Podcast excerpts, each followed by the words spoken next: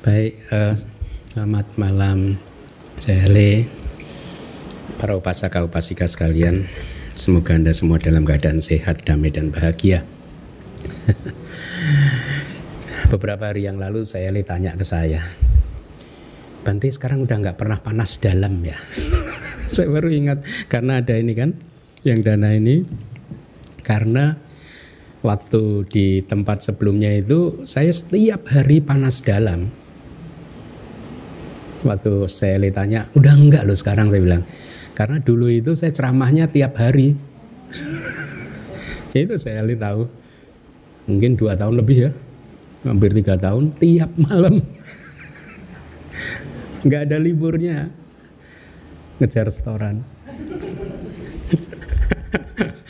makanya panas dalam terus dulu saya itu yang setiap hari membuatkan saya apa itu untuk panas dalam panas dalam terus saya lihat tahu tuh.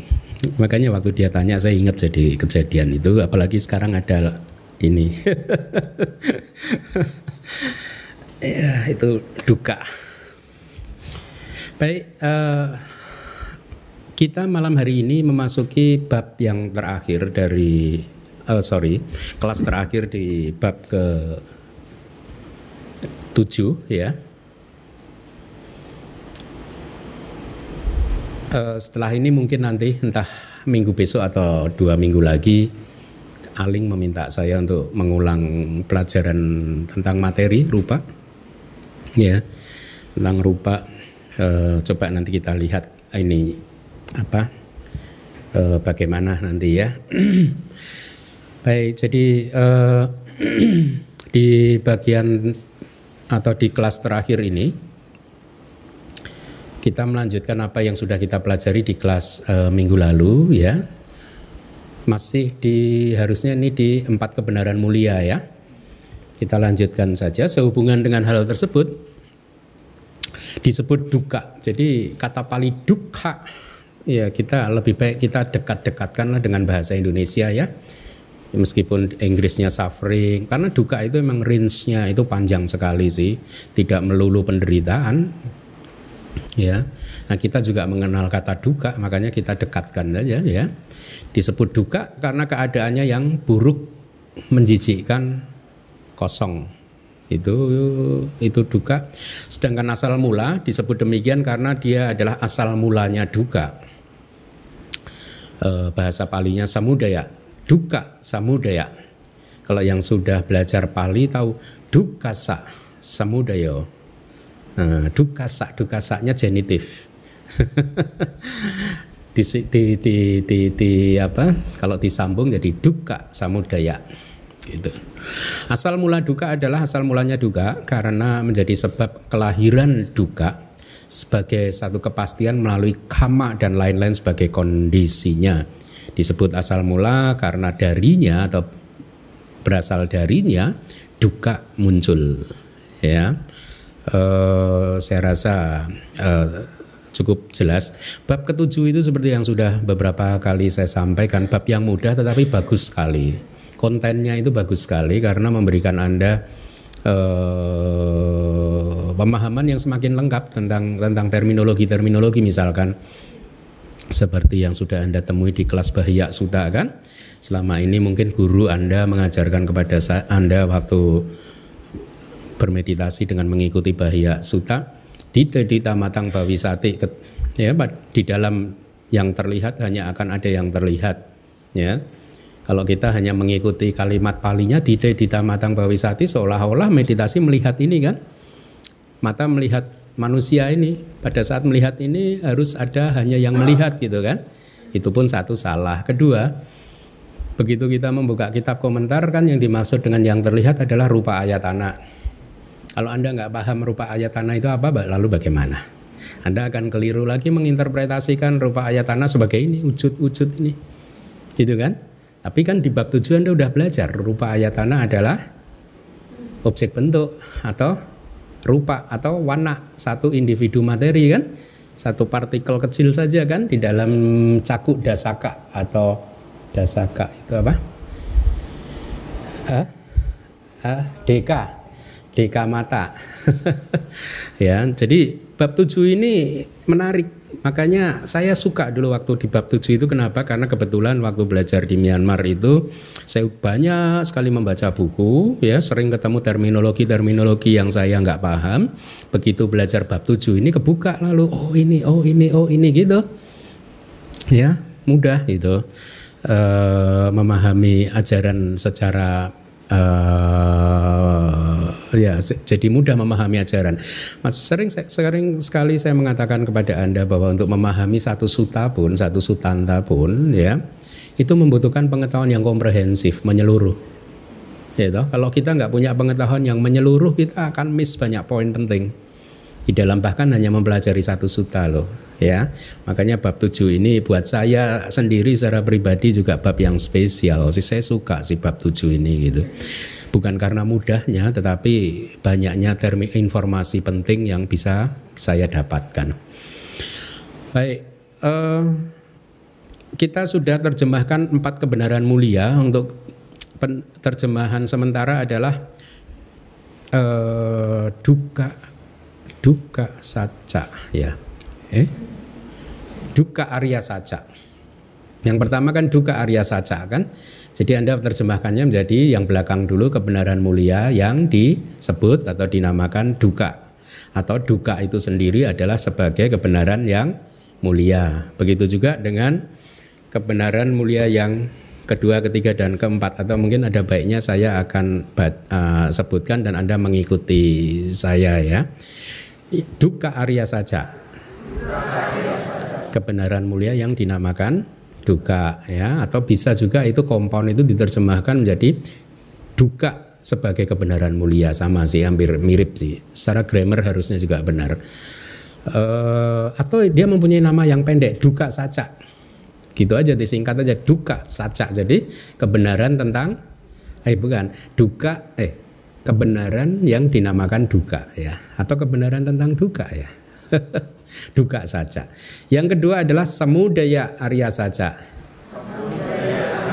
Kebenaran mulia eh, eh, yang dinamakan samudaya. Samudaya itu asal mula ya. Atau bisa disingkat menjadi samudaya saja samudaya saja yang ketiga adalah niroda eh, Arya saja ya Dukam niroda ya, dukam niroda Arya saja uh, pakai duka. Berarti uh, kebenaran mulia yang dinamakan duka ini ya mm, sebenarnya selama ini kemarin-kemarin saya menerjemahkan niroda sebagai kelenyapan. Meskipun tidak salah, tetapi belakangan saya sadari kurang akurat.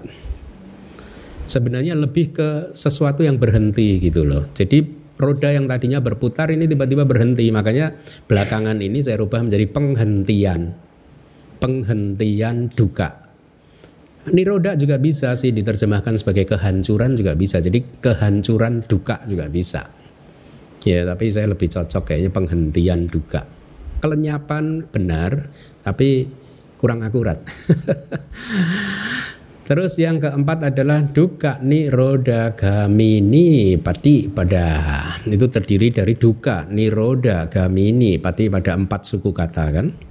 Ya kalau anda menerjemahkannya dari belakang dulu pati pada itu bisa diterjemahkan jadi jalan bisa atau praktek juga bisa.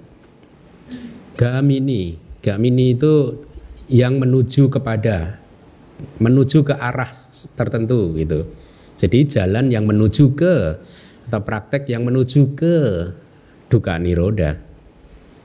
Itu ya.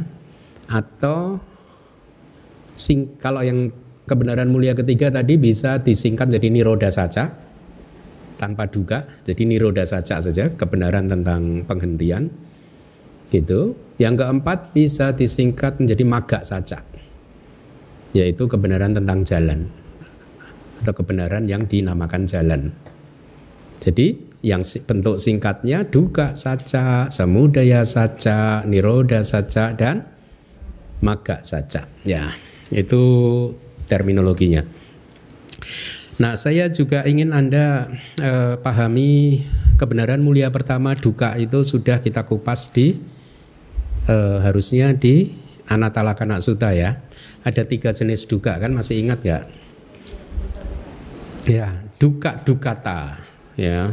Duka dukata itu dukata itu duka plus ta gitu kan. Jadi itu kayak kata benda abstrak lalu. Ya, kata benda abstrak. Jadi keadaan penderitaan ya atau karena didobel duka-duka gitu berarti ya keadaan penderitaan yang normal, yang yang yang ordinary didobel begitu, duka-duka gitu. Itu artinya ordinary duka itulah. Ya, atau itu rasa sakit biasa gitu loh. Kemudian yang kedua adalah wipari nama duka ya. Di anatalakana sudah saya ter, uh, sudah saya kupas itu. Nanti pas hari Waisak juga rencana saya akan membabarkan Dhamma Cakapawatana Sutta juga akan saya kupas ulang lagi. Uh, apa? Uh, yang kedua tadi nama duka. Duka yang ditandai dengan apa? Nama itu perubahan ya ya duka karena perubahan ya. kemudian yang ketiga adalah sangkara duka yaitu uh, duka di dalam formasi-formasi jadi Anda harus memahaminya duka itu dalam tiga level tiga tiganya ini ini tiga level ini harus dipahami semua. Kalau yang pertama tadi duka duka itu kalau Anda ketatap kena benda keras tak sakit itu duka duka tak ordinary duka duka yang biasa saja atau Anda sakit flu itu duka duka tak ya.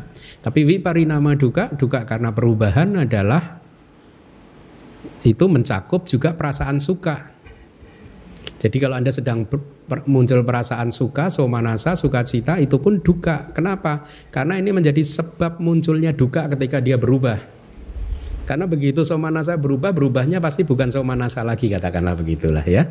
Yang bukan somanasa berubahnya menjadi duk, domanasa atau duka gitu. Jadi duka karena perubahan. Kalau yang ketiga itu sebenarnya yang direalisasi melalui pasana sangkara duka itu. Jadi ini adalah duka ketika Anda melihat bahwa semua formasi-formasi batin dan jasmani itu muncul lenyap, muncul lenyap, muncul lenyap itu. Inilah yang harus direalisasi sebenarnya di dalam meditasi ya. Jadi kalau Anda memahami terminologi duka, Anda harus memahami sampai ke level yang terdalam bahwa disebut duka karena nah, definisi duka adalah disebut duka karena tertekan oleh muncul dan lenyap dibombardir oleh muncul dan lenyap muncul lenyap muncul lenyap muncul lenyap muncul lenyap jadi tertekan oleh keadaan yang muncul dan lenyap itulah yang dinamakan sebagai duka dengan demikian Anda memahami bahwa di seluruh alam semesta samsara dan isinya ini tidak ada yang tidak muncul lenyap sehingga semua di dalam samsara ini adalah duk, gak tidak ada sukanya akhirnya. Tapi bukan berarti kita nggak bisa damai kan? Ya, mereka yang nggak bisa damai karena mereka nggak bisa berdamai dengan perubahan, dengan duka dan lain sebagainya. Kalau mereka bisa menerima ya hatinya damai-damai aja. Ya, jadi begitu yang saya ingin Anda pahami ya harus memahami duka dalam level yang dalam seperti itu itu ya. Nah, eh, tadi saya katakan di dalam samsara itu semuanya duka, nggak ada yang nggak duka dalam samsara. Nah nibana bagaimana? Nibana bukan di dalam samsara tetapi di luar samsara ya.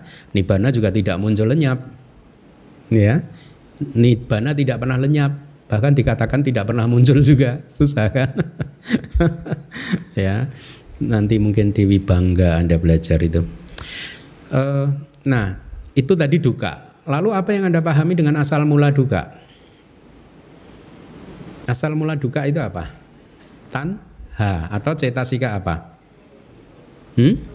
Loba, bagus ya. Jadi asal mula duka adalah cetasika loba ya yang muncul dalam bentuk nafsu kehausan karena loba tidak harus muncul dalam bentuk nafsu kehausan. Betul tidak? Ya. Uh, jadi variasi de atau degree atau tingkatannya kan banyak sekali kan ya ketika loba itu bermanifestasi sebagai kehausan nafsu kehausan maka dia menjadi asal mula duka ya.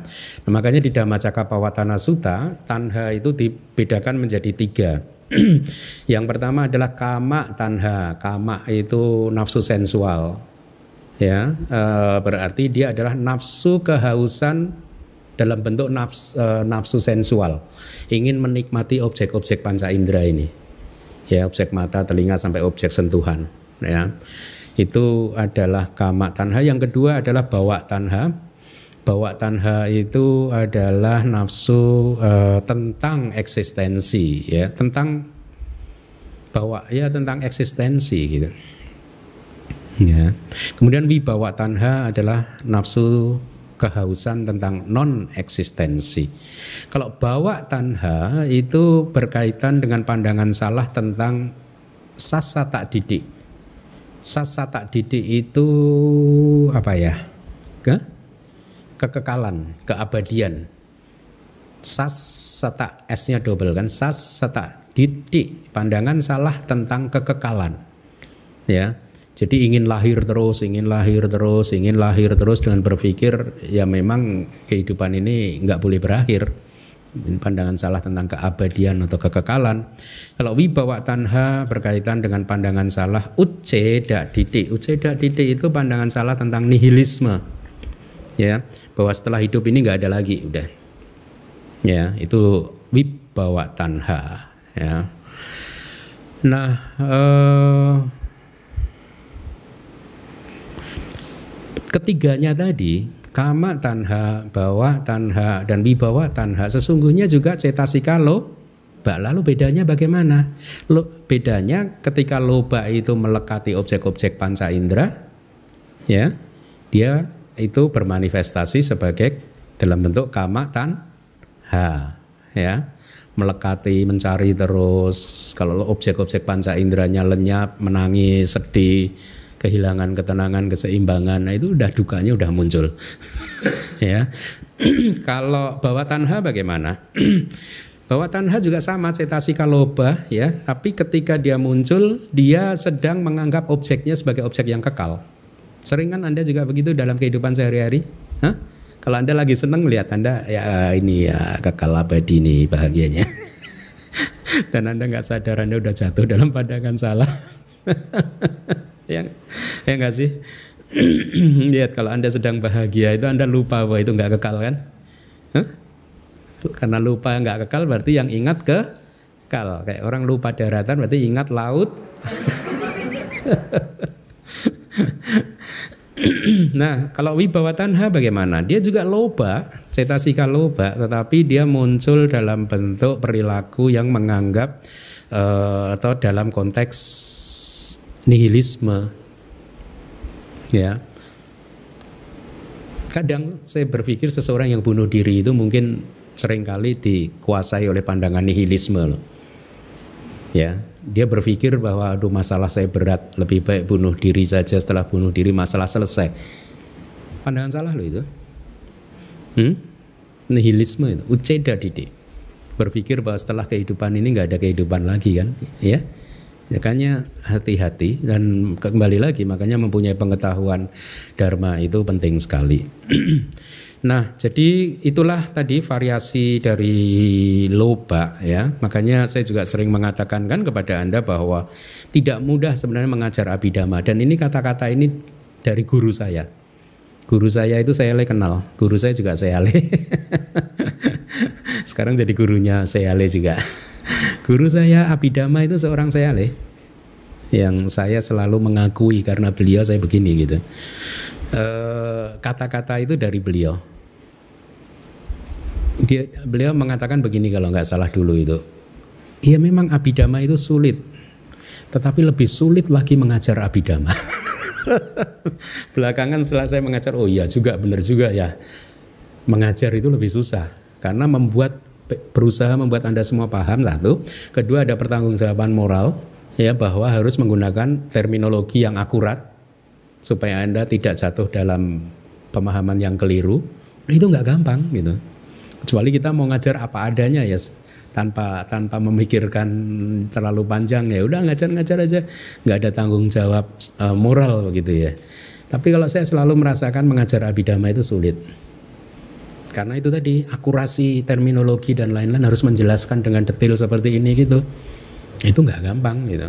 Dan membuat menjaga memastikan bahwa Anda tidak jatuh dalam pemahaman ya yang keliru gitu.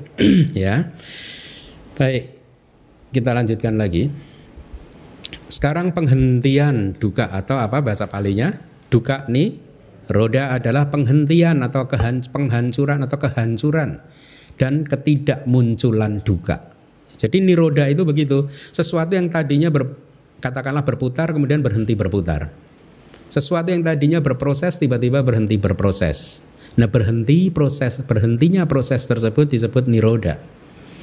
Kayak kalau Anda mencapai niroda sama pati itu kan entah satu juta tahun ke depan Pada saat seseorang mencapai niroda sama pati itu semua proses batin dan jasmani yang lahir dari cita uh, materi yang lahir dari citaan berhenti. Ya, tadinya berproses muncul lenyap muncul lenyap dia berhenti dia. Berhenti itu jangan dipahami berhenti ini wujudnya ada terus kayak kayak Anda nonton film TV kemudian Anda pause gitu enggak. Berhentinya hilang kosong, hilang. Enggak ada lagi apa-apa. Nah, ini juga akurasi pemahaman, ya.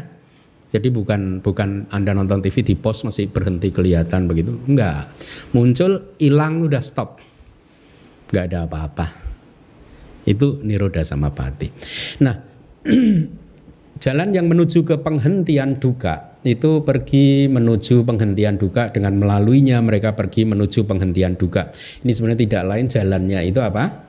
Jalan mulia berunsur 8 disebut juga sering sebagai jalan tengah. Ya Anda sering mendengarkan jalan tengah middle way middle path gitu. Nah eh,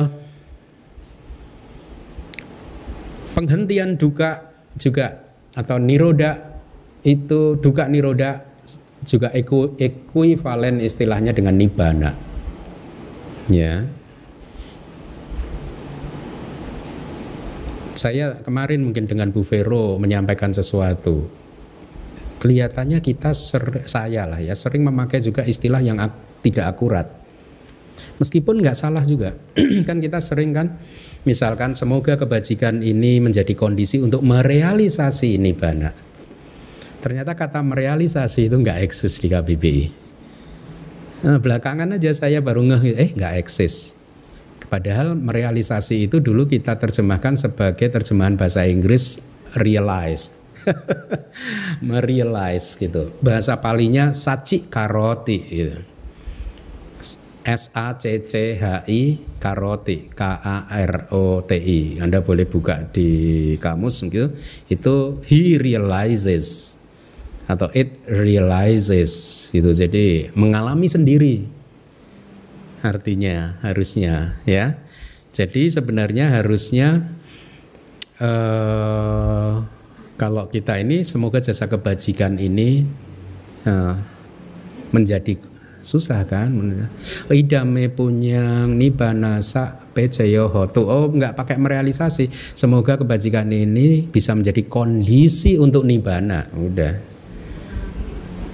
Nah, nggak ada saci karotinya idang me punyang nibana pacay Hah?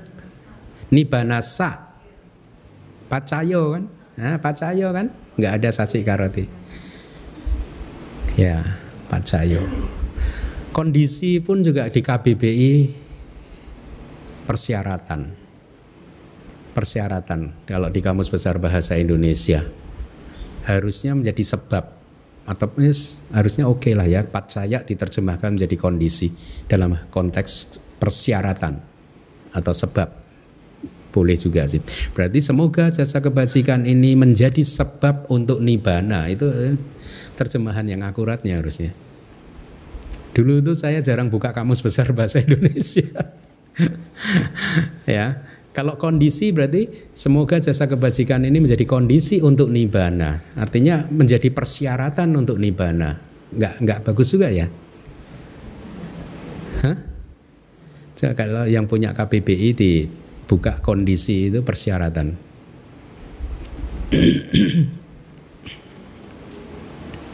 Pacaya. Nah ya, Semoga jasa kebajikan ini menjadi persyaratan untuk nibana. Enggak bagus juga ya? Harusnya sebab ya.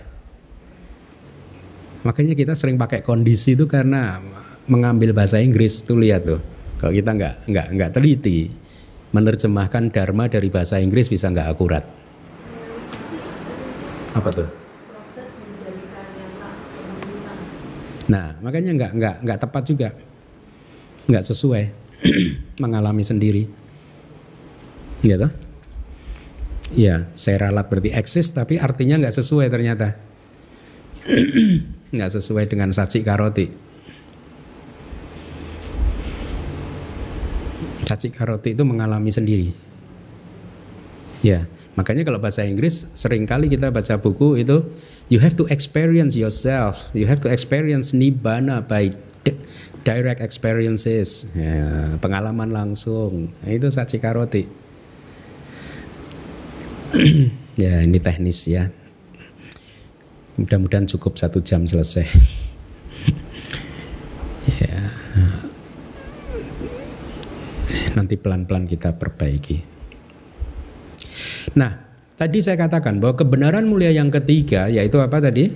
Penghentian duka itu juga ekuivalen dengan nibana. Dengan kata lain, begitu duka berhenti nibana dialami. Jadi dia terjadi pada saat yang bersamaan. Ya. Kehancur eh, duka itu berhentinya kapan sih? Ketika tanhanya hancur. Ya, ketika tanha hancur maka duka berhenti. Ya, jadi nibana itu dialami bersamaan persis bersamaan dengan kehancuran duka. Begitu eh, kehancuran tanha. Tanha hancur nibana dialami gitu. Itu pemahamannya begitu. Oke. Nah, eh,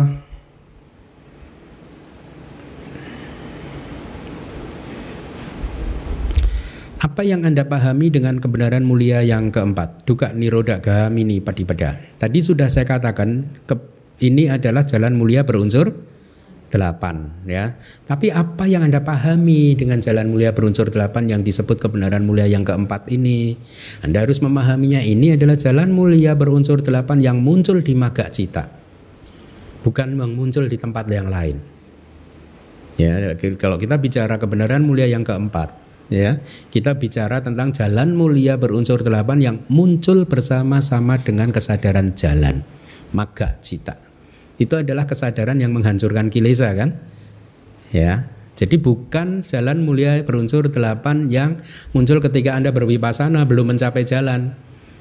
Tidak sama ya. Jadi hanya kan anda masih ingat ya pelajaran bab dua ya? E, Sotapati Magacita muncul bersama Berapa cetasika? Boleh saya jawab langsung? Boleh nggak pertanyaan saya ini saya jawab sendiri aja? Boleh ya? Ya 36. Dari 36 itu 8 itu jalan mulia berunsur 8. Jadi 8 faktor mental yang disebut jalan mulia berunsur 8 di situ itulah yang disebut kebenaran mulia yang keempat. Bukan bahkan bukan yang di Palacita loh. Hanya yang di Maga Cita loh. Yang di Palacita kan juga ada kan? Karena dia kan mirroring kan. 36 juga kan, tapi mereka tidak disebut sebagai kebenaran mulia keempat. Gitu. Bisa disebut sebagai jalan mulia berunsur delapan, tapi tidak dalam konteks kebenaran mulia yang keempat. Gitu.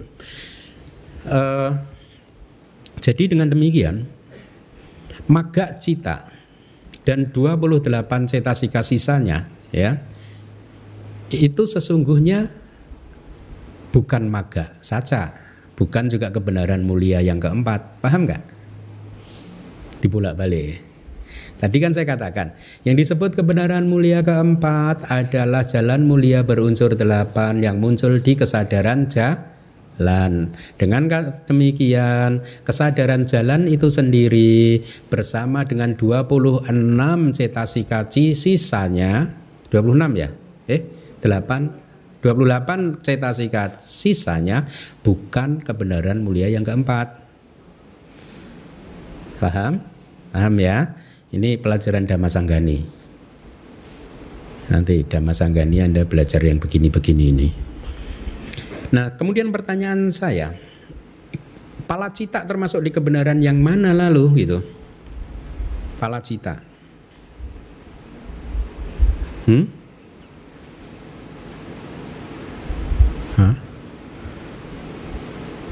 Coba Anda renungkan, palacita termasuk di mana? Ketiga ya?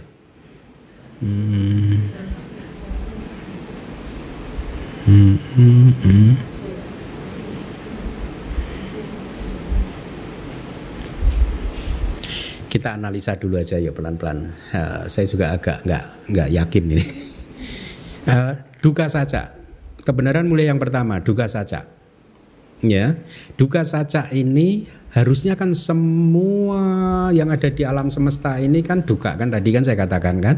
Tapi karena tanha itu dimasukkan dalam kebenaran mulia yang kedua, berarti yang disebut duka saja adalah semua lokia cita bukan lokutara cita ya Lokia cita itu duga saja. Kemudian 52 cetasika dikurangi loba. Berarti 51 cetasika itu duga saja. Terus 28 rupa. Itu duga saja. Kebenaran mulia yang kedua adalah tanha. Loba cetasika ya. Nah, tapi Anda harus memahaminya begini, sebenarnya cetasika loba itu juga duga saja. Paham nggak? Kenapa? Karena loba juga muncul dan lenyap. Jadi dia itu sesungguhnya juga duga saja. Tapi karena di dalam klasifikasi empat kebenaran mulia itu dipisahkan menjadi kebenaran mulia yang kedua, maka dia di-excluded. Dikeluarkan dari kelompok kebenaran mulia yang pertama. Jadi tanha atau loba cetasika adalah kebenaran mulia yang kedua. Nah niroda saja apa? ultimate apa uh, realitas hakikinya. Kita bicara realitas hakiki ini tadi. Nibana bagus ya. Sekarang maga saja tadi ya jalan mulia berunsur delapan ya.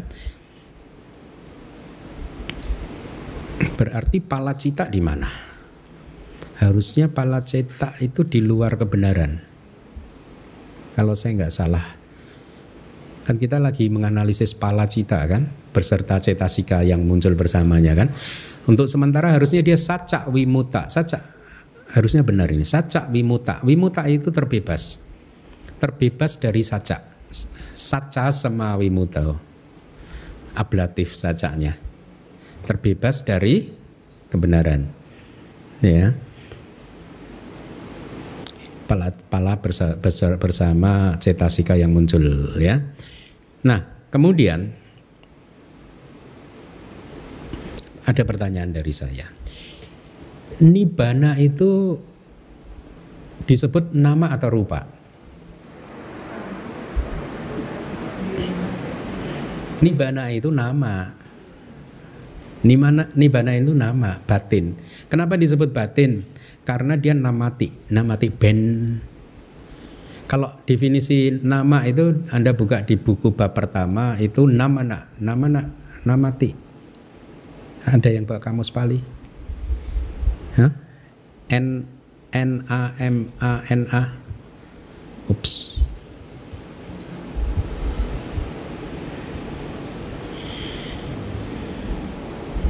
Hmm? Bending ya harusnya ya. Nama nak, hah? Ya. Kan kita nama kan? Itu sebenarnya berasal dari nama nak, N A M A N A nama nak bending. Harusnya bending. Ya. Jadi menekuk. Kenapa disebut batin? Ya. Karena definisinya disebut batin karena batin ini selalu bending menuju ke objek. Menekuk ke arah objek. Itu definisi nama. Tapi dalam konteks nibana saya rasa di buku pertama dulu udah pernah saya kupas itu. Dalam konteks nibana nibana disebut nama karena dia membuat cita itu bending towards maga dan palak bending ke arah nibana. Gitu definisinya memang kayak kayak dibalik gitu.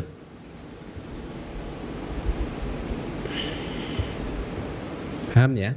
Jadi nibana adalah apa tadi? Nama. Nah, kemudian pertanyaan saya di dalam klasifikasi pancakanda nibana masuk di mana? Hmm? Ini ya, tadi ya. Nibana masuk di mana? Kan, kan tadi nibana adalah nama. Terus dalam klasifikasi pancakanda nibana masuk di mana? Enggak masuk. Paham ya? Meskipun nama, tapi dia tidak termasuk dalam klasifikasi pancakanda. Nah, sekarang pertanyaan lanjutan saya, kenapa nibana tidak termasuk dalam agregat? Hmm? Enggak. Enggak.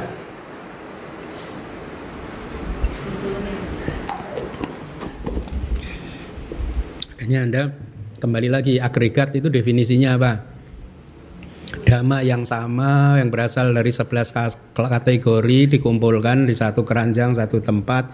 Inilah yang disebut agregat. Nibana tidak bisa didefinisikan menjadi ati tanah gata pacu pana ajatawa bahidawa olarikawa suku mawahina wapanitawa yang dure santi kewa dan seterusnya nggak bisa makanya nibana bukan a agregat karena tidak bisa dikelompokkan dalam 11 klasifikasi.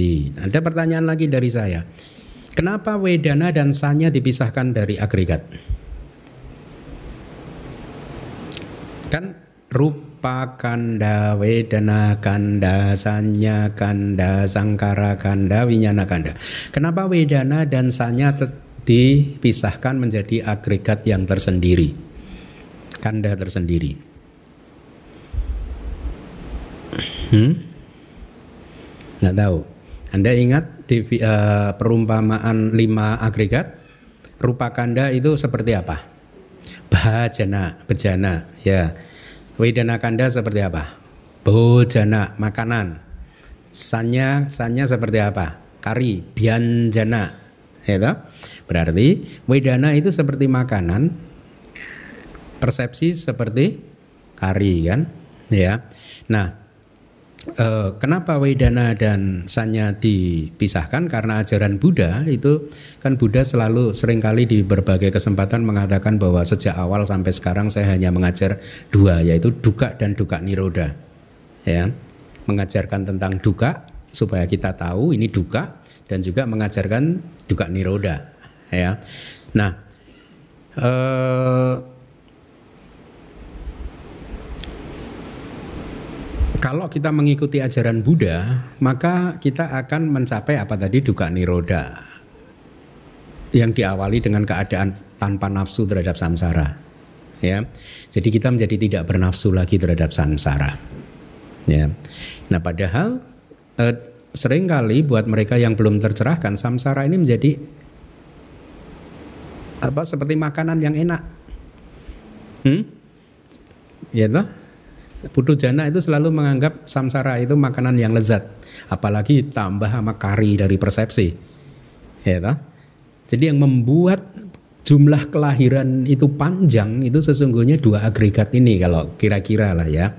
Kalau kita bicara klasifikasi dari lima agregat, Wedana Kanda dan Sanya Kanda ini faktor yang bertanggung jawab untuk bertambahnya jumlah kelahiran ya karena wedana itu seperti makanan atau mungkin kalau di dalam buku cetasika seperti raja yang menikmati makanan malah. Ya dan sanya itu persepsinya. Ya lihatlah anda kalau menyukai sedang menyukai sesuatu hati-hati. Sanya sedang bekerja menambah bumbu ini bumbu itu bumbu ini. Hah? persepsi anda. Termasuk ketika kita tidak menyukai sesuatu juga sanya juga membumbui kayak, kayak jadi provokator gitu. ya. Nah, makanya dengan pertimbangan seperti itulah Wedana dan Sanya dipisahkan menjadi agregat-agregat yang uh, tersendiri. Nah, kari Sanya itu dia kontribusinya apa sih? Memberikan sanyawi palasa itu loh. Saya pernah membahaskan sanyawi palasa itu adalah distorsi persepsi. Persepsi yang terdistorsi Persepsi yang terdistorsi itu persepsi yang seperti apa? Persepsi yang menganggap bahwa segala sesuatu kekal. segala sesuatu suka, penuh kebahagiaan, bahwa ada roh, nah, itu terdistorsi kan, bahwa kehidupan ini indah, cantik, subah. Ya, jadi persepsi yang terdistorsi adalah menganggap uh, nica, suka, atta, subah. Ada empat. Ya, kekekalan, kebahagiaan atau suka, roh atau atta dan yang keempat apa? Hmm? Subah. Ya. Kenapa orang melekat pada samsara, pada kehidupan? Karena belum merealisasi segala sesuatu itu anicca. Simpel ya sebenarnya ya. Coba Anda renungkan. Seandainya saja Anda itu benar-benar tahu bahwa segala sesuatu anicca, ya. Apa pun itu adalah anicca. Kira-kira Anda bisa melekati kehidupan ini enggak sih? Hah? bisa enggak sih? Kan renungkan coba Anda renungkan. Justru karena Anda menganggap ada yang kekal maka Anda melekatinya dan menggenggamnya, mempertahankannya mati-matian. Oh, padahal dia udah lepas ditarik lagi. lepas tarik lagi. Tarik dalam khayalan. Ya, nah, ya, akhirnya hidup dalam khayalan. Khayalannya berkembang biak itu yang disebut uh, berkembang biakan. Hmm, bahasa palinya apa itu? Sering saya di kelas itu papanca papanca papanca berkembang biak terus itu Oke, jadi tadi dikatakan bahwa empat e, palacita itu di luar kebenaran kan, walaupun nanti mungkin anda akan melihat bertemu di dalam suta ini ada catatan dari saya bahwa Buddha juga pernah mengatakan bahwa segala sesuatu itu sudah termasuk di dalam klasifikasi empat kebenaran mulia. Ya, jadi ini ini pengetahuan-pengetahuan ini saya sampaikan supaya nanti kalau Anda membaca buku di perpustakaan, ketemu hal-hal seperti ini Anda udah paham dulu. Nah, ketika di dalam suta Buddha mengatakan bahwa segala sesuatu itu termasuk di dalam empat kebenaran mulia, maka Anda harus bisa menganalisisnya bahwa kesadaran buah atau palacita dan cetasika yang muncul bersamanya harus Anda pecah-pecah. Yang menjadi faktor jalan mulia berunsur delapan itu bisa dimasukkan ke dalam maga saja. Kebenaran mulia yang keempat ya. Palacita dan 28 cetasika sisanya itu adalah kebenaran mulia yang pertama. Begitu caranya ya. Kenapa? Karena muncul dan lenyap. Maka dia duka saja. Baik, kita lanjutkan. Selanjutnya di sini 69 dhamma yang terdiri dari faktor-faktor mental, materi yang lembut dan nibana disebut sebagai landasan indriawi objek mental atau bahasa palinya Anda lihat itu dhamma ayatana. Ya. Dan elemen objek mental itu dhamma datu. Ya. Dhamma ayatana terdiri dari dua kan dhamma plus ayatana. Ayatana kita terjemahkan jadi landasan indriawi, dhamma itu objek mental, objek batin. Ya. Kalau elemen objek mental berarti dhamma datu. Itu ya. Karena dhamma adalah objek mental, datu adalah elemen. Nah, Anda bisa mendapatkan 69 itu apa saja? 52 cetasika, oke, okay? 16 suku marupa dan satu nibana berarti di jumlah 69 mari kita lihat penjelasannya. Landasan indriawi dalam arti sebagai 12 landasan-landasan ya ayatana kan ada 12 kan ya itu adalah 69 objek-objek mental dhamma ayatana yaitu 52 cetasika 16 suku marupa dan nibana dan yang termasuk sebagai elemen objek mental dalam arti sebagai elemen-elemen.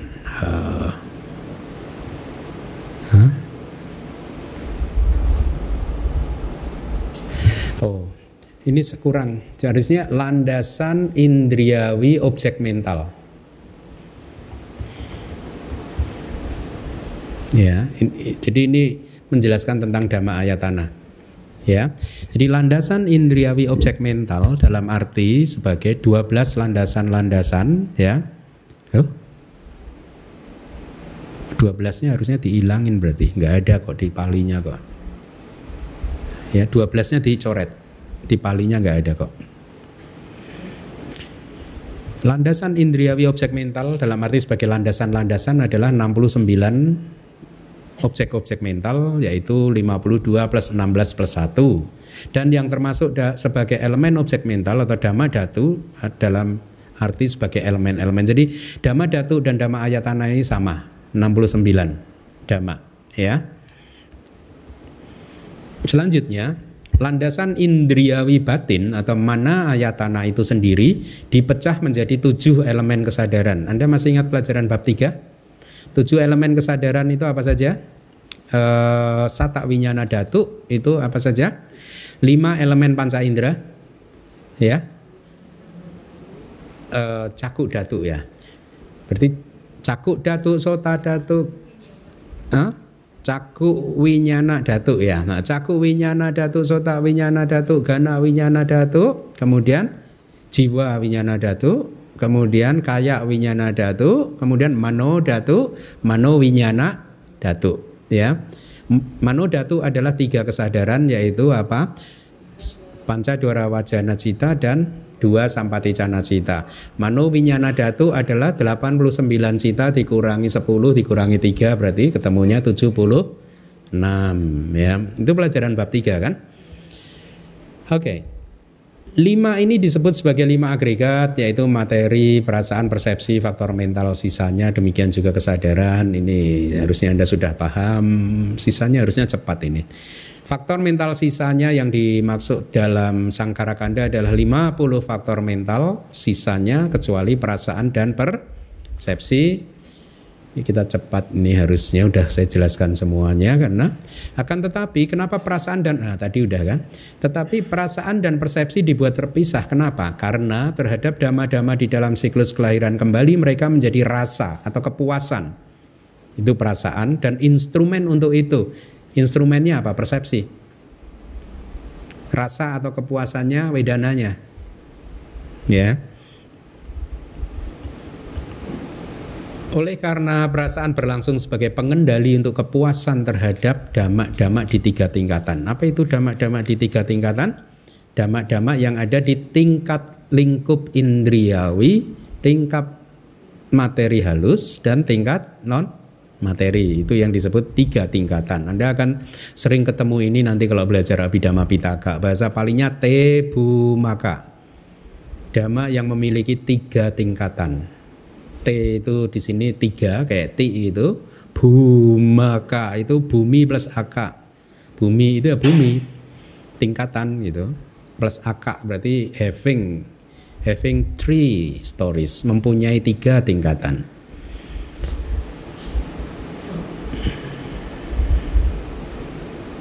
Jadi lihat Wibawi ini pun ketika di slide ini kalau menurut saya dia agak kontradiksi dengan apa yang dia sampaikan di kelas minggu lalu bahwa perasaan itu seperti makanan.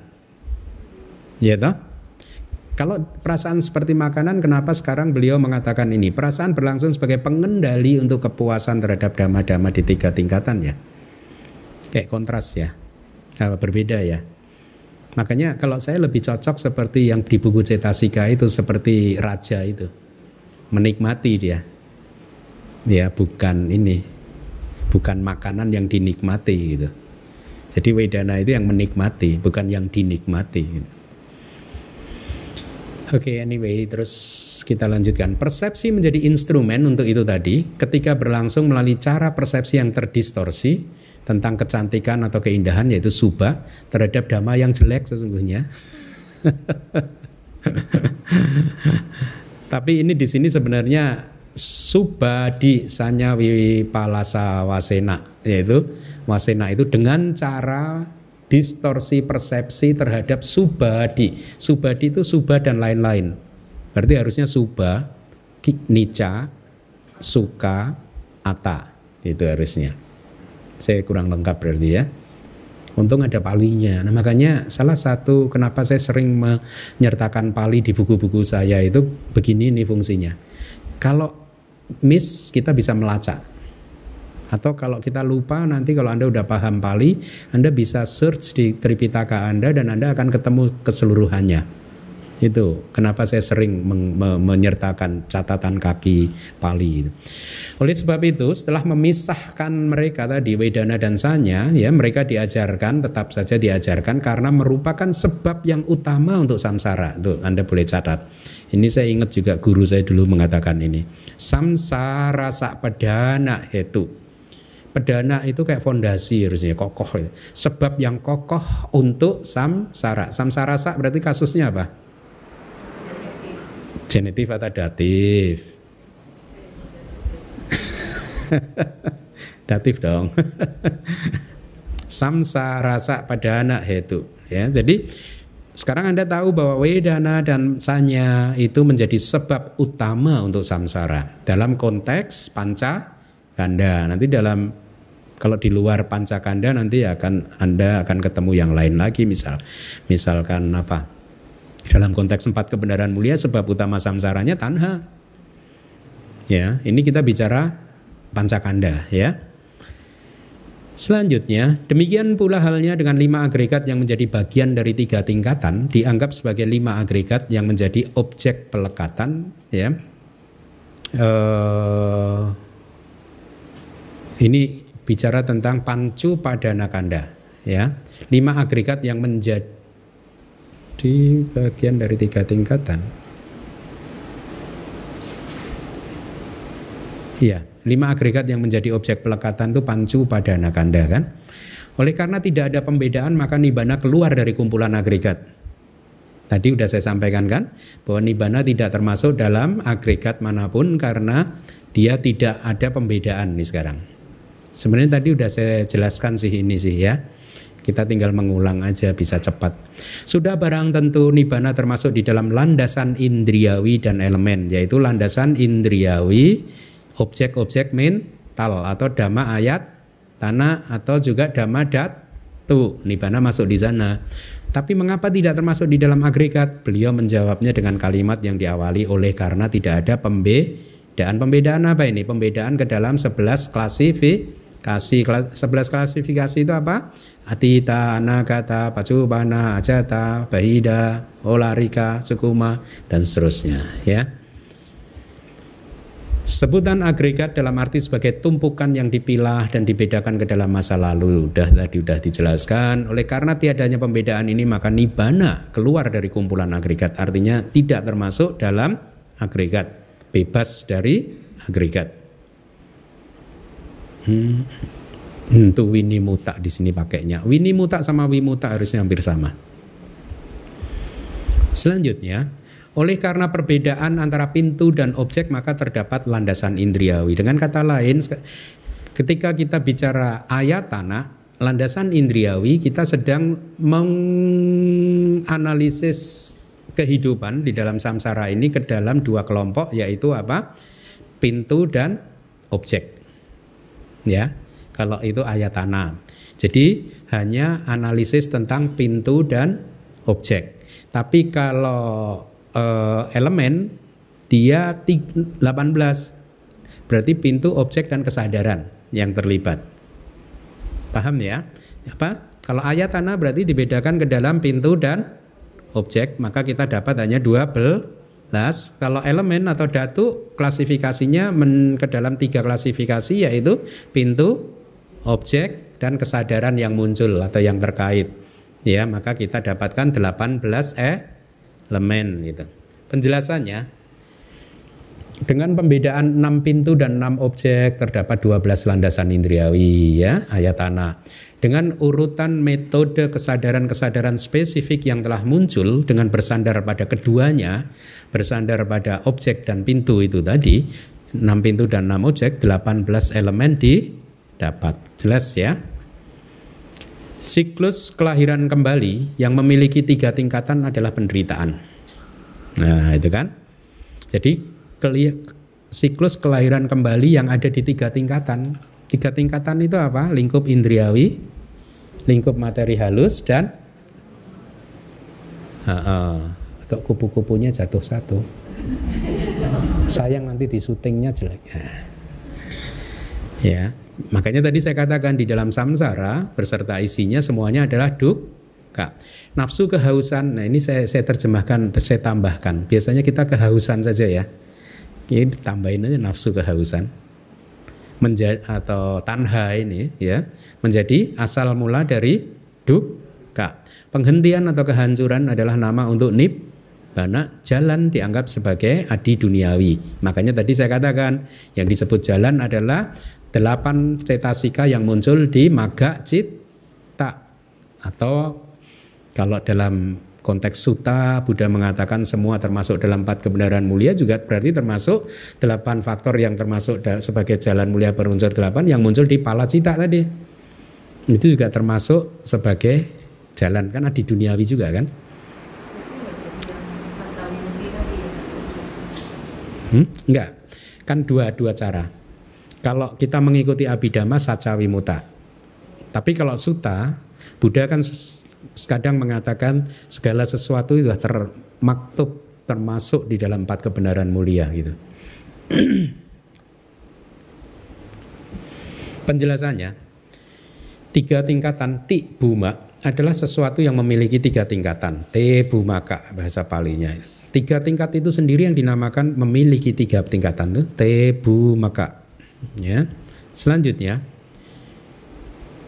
watak. Nah, Anda akan mungkin mulai semester mungkin di suta di semester ini nanti entah di Damacaka atau di Mahacatari Saka Suta saya akan memperkenalkan istilah baru yaitu watak ini watak semester depan juga Anda akan belajar watak siklus kelahiran kembali ya Anda akan belajar semester depan karena di sini kama dan resultannya eksis. Jadi sebenarnya kelahiran kembali ini berputar-putar terus karena masih ada kama dan resultan atau kama dan buahnya. Tapi di sini resultan karena wipaka supaya konsisten ya. Sama artinya sama dengan buah karma juga sama. Adalah tiga jenis yaitu kama tanha, bawa tanha dan wibawa tanha. Tadi sudah saya jelaskan. Akan tetapi berdasarkan enam objek maka akhirnya didapat 18 jenis nafsu kehausan, tanha. Anda paham nggak itu? Jadi tanha ada berapa tadi? Tiga, kama tanha, bawa tanha, wibawa tanha. Ketiga-tiganya bisa muncul berkaitan dengan enam objek. Ya? Ketika muncul bersama, uh, berkaitan dengan objek mata, maka kama tanha atau bawa tanha atau wibawa tanha muncul berkaitan dengan objek mata. Bisa juga muncul dengan suara, berkaitan dengan suara. Ketika Anda mungkin teman Anda enak lo lahir di surga kekal abadi ya. Langsung Anda pengen di sana kan bawa tanhanya muncul kan? Ya. Ya, tinggal Anda kalikan berarti kama tanha bawa tanha wibawa tanha kali 6 objek berapa? 18 berarti kita dapatkan 18 jenis tanha. 18 jenis tanha bisa lagi diure menjadi ke dalam tiga masa masa lalu, masa depan dan masa kini. Berarti 18 kali 3 berapa? 54. Ya. Bisa diurai ke masa gitu nggak? 54 tadi masih juga bisa dibedakan ke dalam internal dan eksternal. Maka didapat 108 variasi tan atau nafsu kehausan. Ya. Oke. Akan tetapi, mengapa di antara sebab-sebab duka yang lain hanya kehausan atau nafsu kehausan yang dikatakan sebagai asal mula? Kenapa hanya tanha yang dikatakan sebagai asal mula duka? Nah, sekarang Anda dijelaskan karena tanha adalah sebab yang utama. Dengan kata lain sebenarnya ada sebab-sebab yang lain duka itu. Tapi sebab yang utamanya tanha. Artinya apa? Begitu tanha ini dipotong berhenti dia. Itu. Tapi dengan kata lain, Anda tidak menyada, memahaminya begini bahwa sebab duka itu hanya tanha. Ada sebab-sebab yang lain gitu. Tanha ini faktor yang utama. Oleh karena tanha adalah sebab untuk berbagai duka dengan menjadi sebab untuk berbagai variasi kama artinya Anda melakukan kama karena ada tanha. Hmm? Tanpa Anda sadari. Ya. Ah, saya ingin berdana supaya lahir lah jadi orang kaya raya nah tanha kan ya enggak ah saya ingin berdana supaya lahir di surga sebagai dewa. Nah itu ada tanda, ada awija juga. Awija karena sebetulnya nggak ada dewa. Yang ada adalah nama dan rupa. Memahami ada dewa itu cara apa? Itu contoh bekerjanya awija. Itu. Jadi tadi apa? Duka dengan menjadi sebab untuk berbagai variasi kama dan dengan bekerja sebagai kondisi yang menyertai kama maka nafsu kehausan adalah sebab khusus untuk duka. Sebab khusus atau sebab utama ya. Jalan dikatakan sebagai nama untuk jalan dengan tujuan penghentian duka. Yang dimaksud dengan jalan hanyalah jalan adi duni yawi ya. Tadi udah saya jelaskan kan? Dia yang muncul di maga cita maga cita kan adi duniawi kan Selanjutnya, faktor-faktor mental yang berasosiasi dengan jalan dan juga buah tidak termasuk ke dalam empat kebenaran. Demikianlah ringkasan total telah dijelaskan dengan lima variasi. Paham ya? Tadi sudah saya jelaskan kan? Jadi maga cita dan juga faktor mental yang 28 tadi kan termasuk eh, tidak dimasukkan dalam kebenaran mana pun kan? Ya. Penjelasannya faktor mental yang berasosiasi dengan jalan. Faktor mental yang sisanya kecuali delapan faktor jalan yang diawali dengan kontak dan lain-lain ya. Anda harus harus harus analisis. 36 dikurangi 8 berarti 28 mulai dari pasa Anda analisis. Wedana ada enggak kirain enggak ada dan juga buah bersama dengan faktor mental yang berasosiasi dengannya. Berarti benar ya statement saya di awal tadi ya bahwa buah juga termasuk sebagai sacak wimuta di luar kebenaran dalam konteks abidama ya bukan suta ya.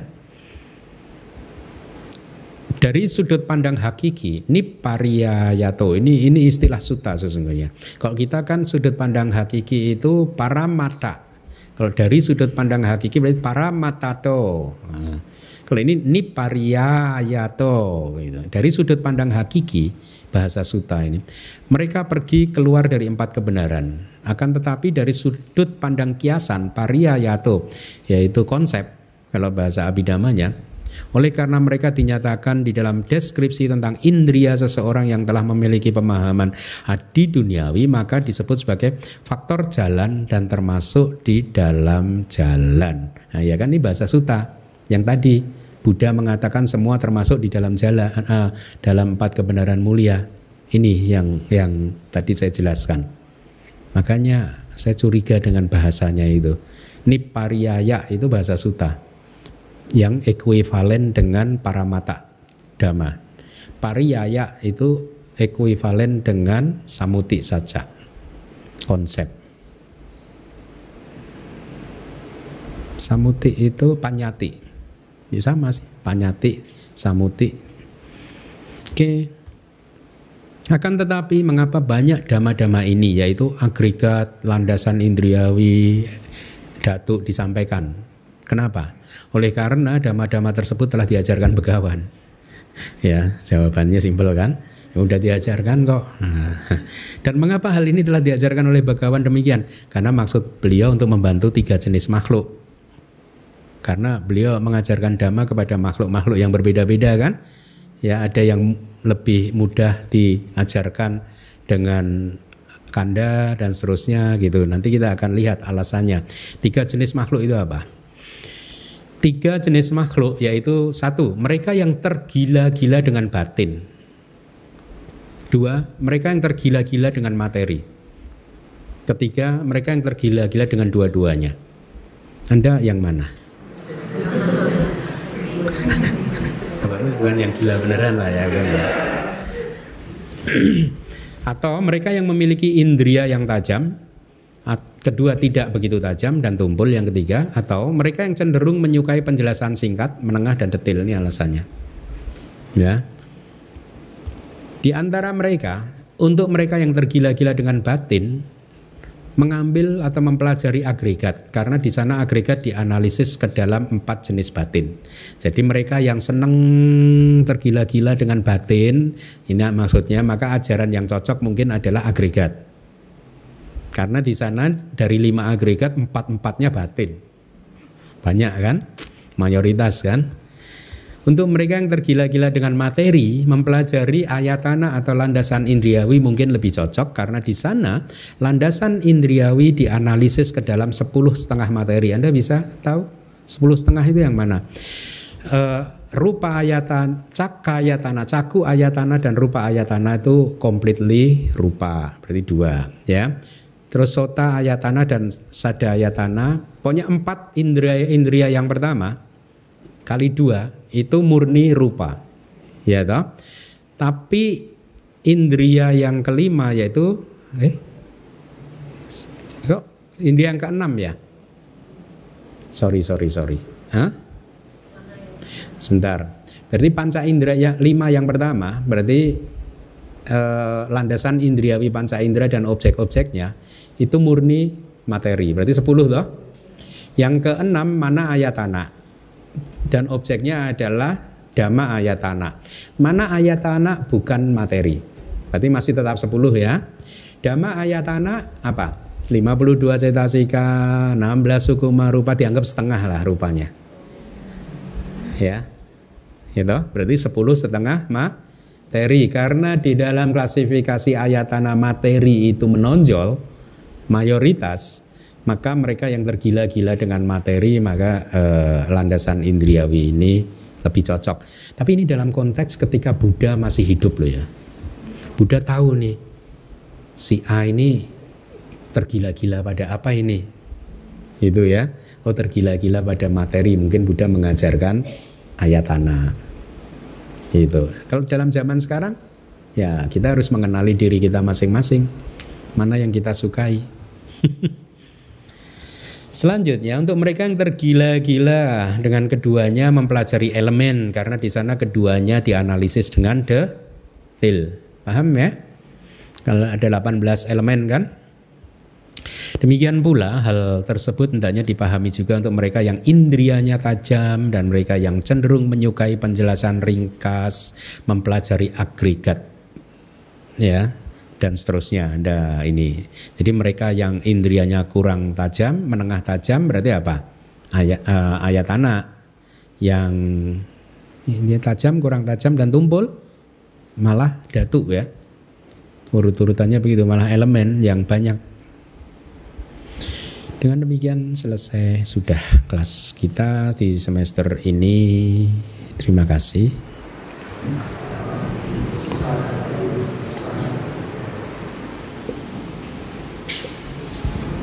Terima kasih Bante atas penjelasannya untuk bab penutup ya Bante. Hmm. Bab 7. Uh, eh, ada pertanyaan Bapak Ibu silakan.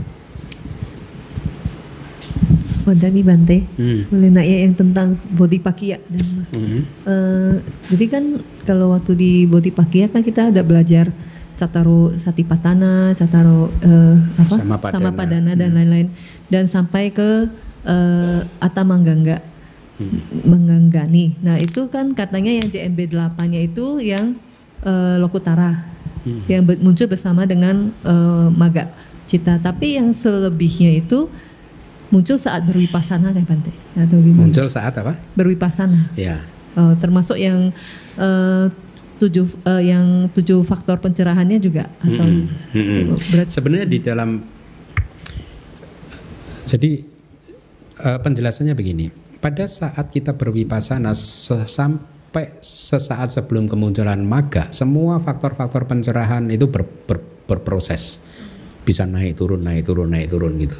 Karena pada saat mereka udah berkembang maksimal kayak jalan mulia berunsur delapan, begitu mereka berkembang maksimal maka maga cita muncul. Kira-kira logikanya begitu. Jadi makanya di dalam berwipasana pun uh, uh, kalau kalau anda atau setiap kali Anda retret pun coba Anda perhatikan. Semua faktor-faktor pencerahan itu kadang muncul meningkat, kadang drop lagi, gitu kan? kadang naik, kadang drop satinya misalkan, ya. Satinya kadang nah, bisa mindful terus, kadang lepas lagi. Termasuk juga faktor-faktor pencerahan yang lain Dhamma Wijaya, Wirya juga kadang semangat, kadang enggak. Itu kadang sadar ini saya nggak boleh begini, kadang lupa lagi gitu. Jadi uh, itulah prosesnya wipasana atau samata ya. Jadi semua faktor-faktor itu memang dikembangkan, maka istilahnya dikembangkan. Bahasa palinya pun juga istilahnya dikembangkan gitu. Bawit, baweti, baweti, baweti ya. Coba ada Tapi berarti B H A V E T I. Baweti harusnya iya dikembang, mengembangkan. Baweti. Hmm? Cultivate ya, ya. Cultivate itu apa? Merawat mengembangkan kan? Iya, mengembangkan. Berarti hanya berlaku untuk bawana ya, berarti maksudnya saat eh, meditasi aja ya. Oh iya, kalau faktor pencerahan iya. Hmm. Baweti, bener ya Baweti ya, iya, cultivate ya. Hmm. Kasih Bante. Ya, ya.